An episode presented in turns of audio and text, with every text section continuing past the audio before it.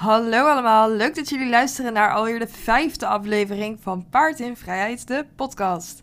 Mijn naam is Amber en ik ben jullie host. In deze podcast bespreek ik alle topics omtrent paardenwelzijn. Van training tot huisvesting en van ethische vraagstukken tot flinke taboes en discussies, niks is te gek. In deze aflevering wil ik het gaan hebben over Shetlanders en op alle problemen die je tegenkomt als je zorg draagt voor deze kleine schatten. In de hoop dat het zorgt voor wat bewustwording. Vroeger, toen ik op de manege rondliep, had ik echt helemaal niks met Shetlanders. Kleine etterbakken waren het. En maar uitbreken en bijten en trappen. En tijdens de les kon een bokje absoluut niet ontbreken. Ja, ze zagen er heel schattig uit, maar daar was dan ook alles mee gezegd. Ondertussen deel ik mijn leven uh, niet met één, maar zelfs met twee van die kleine etterbakken, Lucky en Najim. En dat is eigenlijk vooral te danken aan één klein ventje, Verdi, ook wel Dragon genoemd, kleine rode draak. Toen Scooby met mij mee mocht, kwamen we na die eerste zomer te staan op een paddock paradise in Wording. Daar stonden ook twee mini-chatjes. Echt jut en jul, zo lief samen. Ze stonden daar al jaren, ruim voordat de toenmalige huurder er besloot een paddock paradise van te maken. Verdi werd door haar overgenomen, maar eigenlijk deed zijn verzorger, die hem ook al verzorgde voor die tijd, alles voor en met hem. Kleine Ver had mijn hart echt gestolen en aangezien hij wel nog meer aandacht en beweging kon gebruiken, spendeerde ik ook steeds meer tijd met hem. Verdi was echt zo'n typische Shetlander. Hij brak regelmatig uit, maar dat was ook niet zo heel gek, want hij wilde gewoon bij de rest, bij de grote paarden en gezien worden als een volwaardig paard, ondanks hoe klein hij was. Als ik met hem op straat liep, kreeg ik geregeld de vraag of ik mijn hond aan het uitlaten was. Ook moest Ver een tijdje een graasmasker om, maar eigenlijk paste die helemaal niet goed. Hoe meer tijd ik spendeerde met hem, hoe duidelijker het me werd dat chatties zo slecht begrepen werden. Op een gegeven moment moest Ver weg en uh, hij werd als kinderpony verkocht om ergens op de wei te staan. Het laatste wat we voor hem hoopten. Ver was absoluut geen kinderpony en hij was al veel te zwaar, dus dat leven op gras was ook niet echt in zijn belang. Een poosje later stond hij dan ook weer op marktplaats. En zo gaat dat natuurlijk ook weer met heel veel chatten. Lucky was ook zo'n pony. Ik zag hem op Facebook voorbij komen. Hij had er een paar jaar verwaarlozing op zitten. Hij had op een wei gestaan, zonder soortgenootjes, met twee varkens. Zijn hals was ingegroeid, zijn hoeven waren slecht en hij was echt een beetje verwilderd. Maar oh mijn god, mijn hart.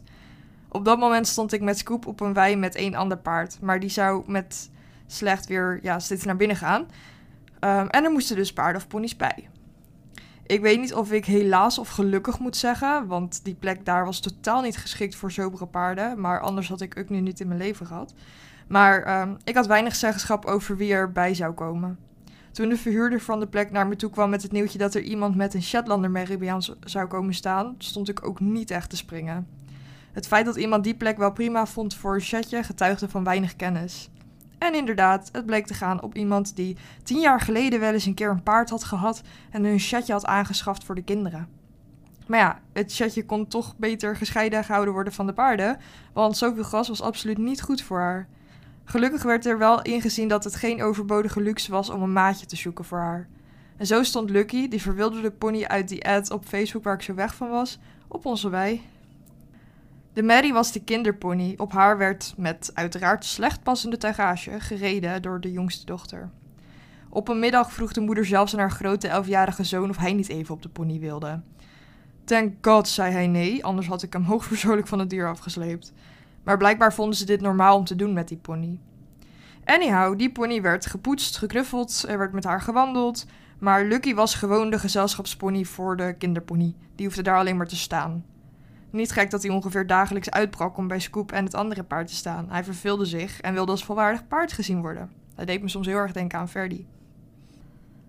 Nog geen vier maanden later besefte moederlief zich dat het toch niet zo'n goed idee was, want de kinderen wilden alleen mee om te rijden en niet als ze alleen moesten verzorgen of stel je voor poep moesten ruimen. Ik snap dat vanuit die kinderen hoor, zij kunnen er niet veel aan doen. Het zijn de ouders die dit soort ondoordachte ideeën uitvoeren en dan verwachten dat een kind zulke verantwoordelijkheid kan dragen. Maar goed, zo kreeg ik dus een berichtje dat Lucky en de Mary weg moesten. Lucky was niks waard, dus uh, ja, die mochten wij wel hebben. Maar de Mary was hier voor een fokmerrie en ze had papieren, dus ze moest wel voor een hoge prijs verkocht worden. Zo werd de Mary exact een week later opgehaald om te gaan fungeren als weidemaatje voor een sportpony en kwam Uk bij ons terecht. Ik was toen nog steeds een hele onzekere en bange, maar toch wel nieuwsgierige pony. Elke dag kreeg hij minstens zoveel liefde en verzorging als Scoop en ik ging met hem klikkeren om hem weer wat vertrouwen te geven en hem uit te leggen wat ik verwachtte van hem, zodat de wereld iets voorspelbaarder en ja, beter te begrijpen was. Ook begonnen we aan intrinsen en zo is de stoere extraverte Uk helemaal uit zijn schulpje gekropen. Maar goed, dat was vooral het mentale stuk. Fysiek was er nog een boel mis. Uk stond nog steeds op de wei bij Scoop, wat totaal geen geschikte plek voor hem was. Een gelukkig niet al te volle maar dramatische periode hadden we, toen Uk inderdaad tekenen van hoefbevangenheid vertoonde. Gelukkig rond het einde van de zomer hebben we de hele paddock kunnen frezen en zo werd de paddock meer en meer chattenproof. Het was dan misschien nog steeds geen paddock paradise, maar voor die plek hebben we ervan gemaakt, ja, wat er van gemaakt kon worden. In die buurt was verder geen enkele chatvriendelijke plek, overal stonden ze op gras of was de omheining niet goed voor chatten. Met Uk wandelde ik ook veel daar. En naast de bekende opmerkingen van ben je hond aan het uitlaten of is dat een veulen, heb ik ook wel eens een bijzondere, helaas serieuze vraag gehad. Ik liep met Uk op een dijkje en een vrouw fietste ons tegemoet. Een paar meter voor ons stapte ze van haar fiets af. Ik dacht eerst dat ze dat deed omdat ze misschien dacht dat Uk dan zou schrikken of zo. Uh, maar helaas was dat niet de reden. Is dat jouw pony? vroeg ze. Uh, ja. Toen vroeg ze: Is het misschien mogelijk dat ik hem een paar weken mag lenen, zodat hij het gras kan maaien in mijn tuin? De vrouw was dus echt bloedserieus. en ik volledig van me apropos. Ik wilde bijna vragen: Ziet hij eruit als een grasmaaier? Maar ik kreeg het mijn strot gewoon niet uit. Ik was echt veel te verbaasd. Door ontzettend veel mensen worden chatten totaal niet erkend als levende dieren met een intrinsieke waarde, met gevoel en emotie en basisbehoeftes die voorzien moeten worden. Ze worden gezien als kinderpony, als grasmaaier, als gezelschapspony, niet als chat.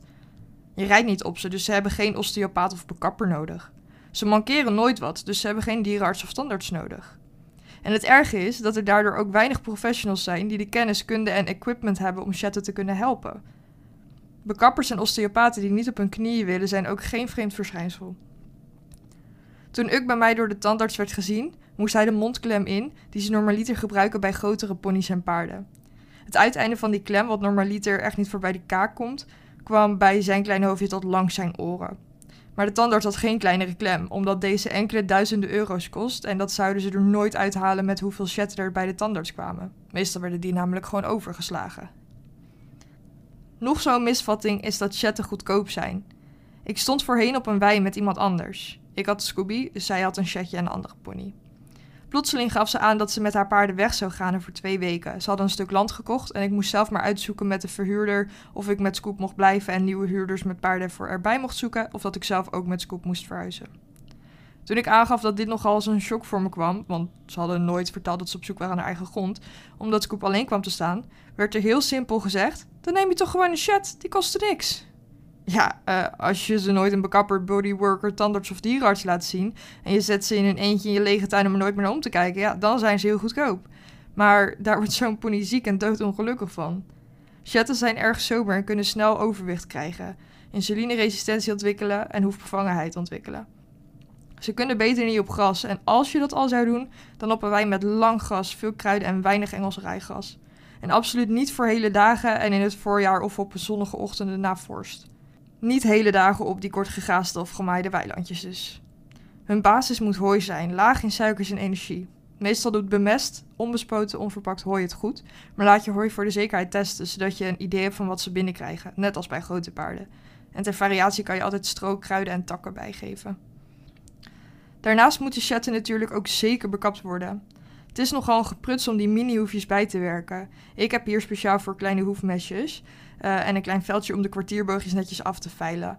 Waar ik dat bij grote paarden doe met de gewone velfmessen. Hoefjacks voor die kleintjes zijn ook nog een probleem op zich. Ik doe altijd eigenlijk zittend op de grond de hoefjes. Het is dus niet verbazingwekkend dat veel bekappers kleintjes overslaan. En ze kosten vaak evenveel in de bekapping als een groot paard. Gereedschap wat fijn werkt bij kleintjes moet namelijk ook gewoon aangeschaft en onderhouden worden door de bekapper. Plus je moet erg laag bij de grond werken, wat misschien nog wel meer inspanning vergt dan sommige grote paarden. De tandarts en dierenarts rekenen ten eerste dezelfde voorrijdkosten en consultkosten als bij grote paarden. Daarnaast zijn er eigenlijk geen potten en flessen medicatie, spuiten voor wormenkuren en andere mogelijke benodigdheden te vinden die afgestemd zijn op de dosering van een chat. Je moet gewoon de volle map betalen voor een pot die je waarschijnlijk voor driekwart kan weggooien met de dosering die je pony nodig heeft. Ook dat is dus absoluut niet goedkoper dan een groot paard. Nog zo'n probleem met doseringen is voeding.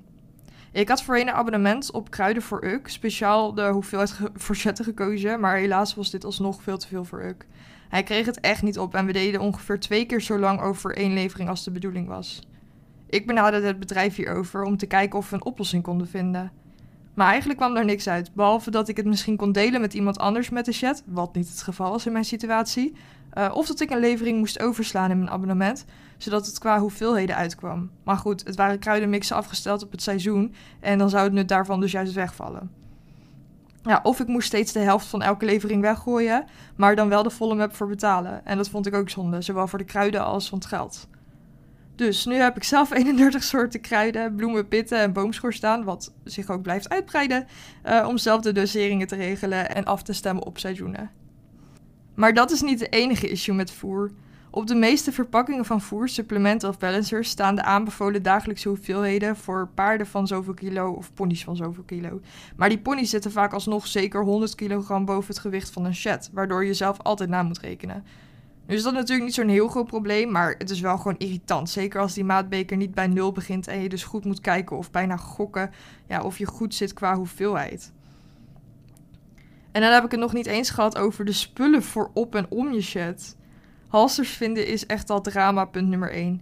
De meeste chattenhalsters zijn roze of blauw met regenboogjes, hartjes, bloemetjes, sterretjes en dan vaak ook nog met veel glitters, bontjes en diamantjes. Zo zie je dus ook weer dat chatten totaal niet serieus genomen worden en op wie de marketeers zich richten. Alsof je als volwassene geen chat kan hebben. Nee, het zijn gewoon kinderponies toch? Maar de grootste issue is dat vervolgens bijna niks past. Veulenhalsters passen niet, Shetlanderhalsters passen niet. Shetlander veulenhalsters, nou ja, die past in de winter eentje met zijn hele dikke teddyvacht. Maar eigenlijk moet hij mini of zelfs mini veulen hebben. Um, en laat dat nou zelden ergens te verkrijgen zijn.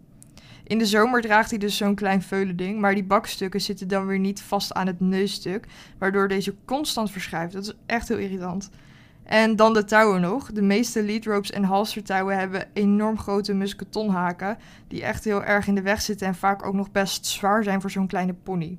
Comfortabel en handig is echt wel anders. Niet alleen de juiste maat halsters vinden is lastig. Ook zoeken naar dekens en hoefschoenen is als zoeken naar een naald in een hooiberg. Nu hebben chatjes meestal geen dekens nodig, maar als ze ouder worden en niet meer zelf goed hun vacht kunnen regelen, of als ze misschien luizen of iets dergelijks op hebben gelopen, um, dan kan je gewoon haast geen deken vinden. En het is niet te hopen dat je Ukkie een hoefs weer oploopt, want dan zul je aan de slag moeten gaan met een plastic tas en duct tape.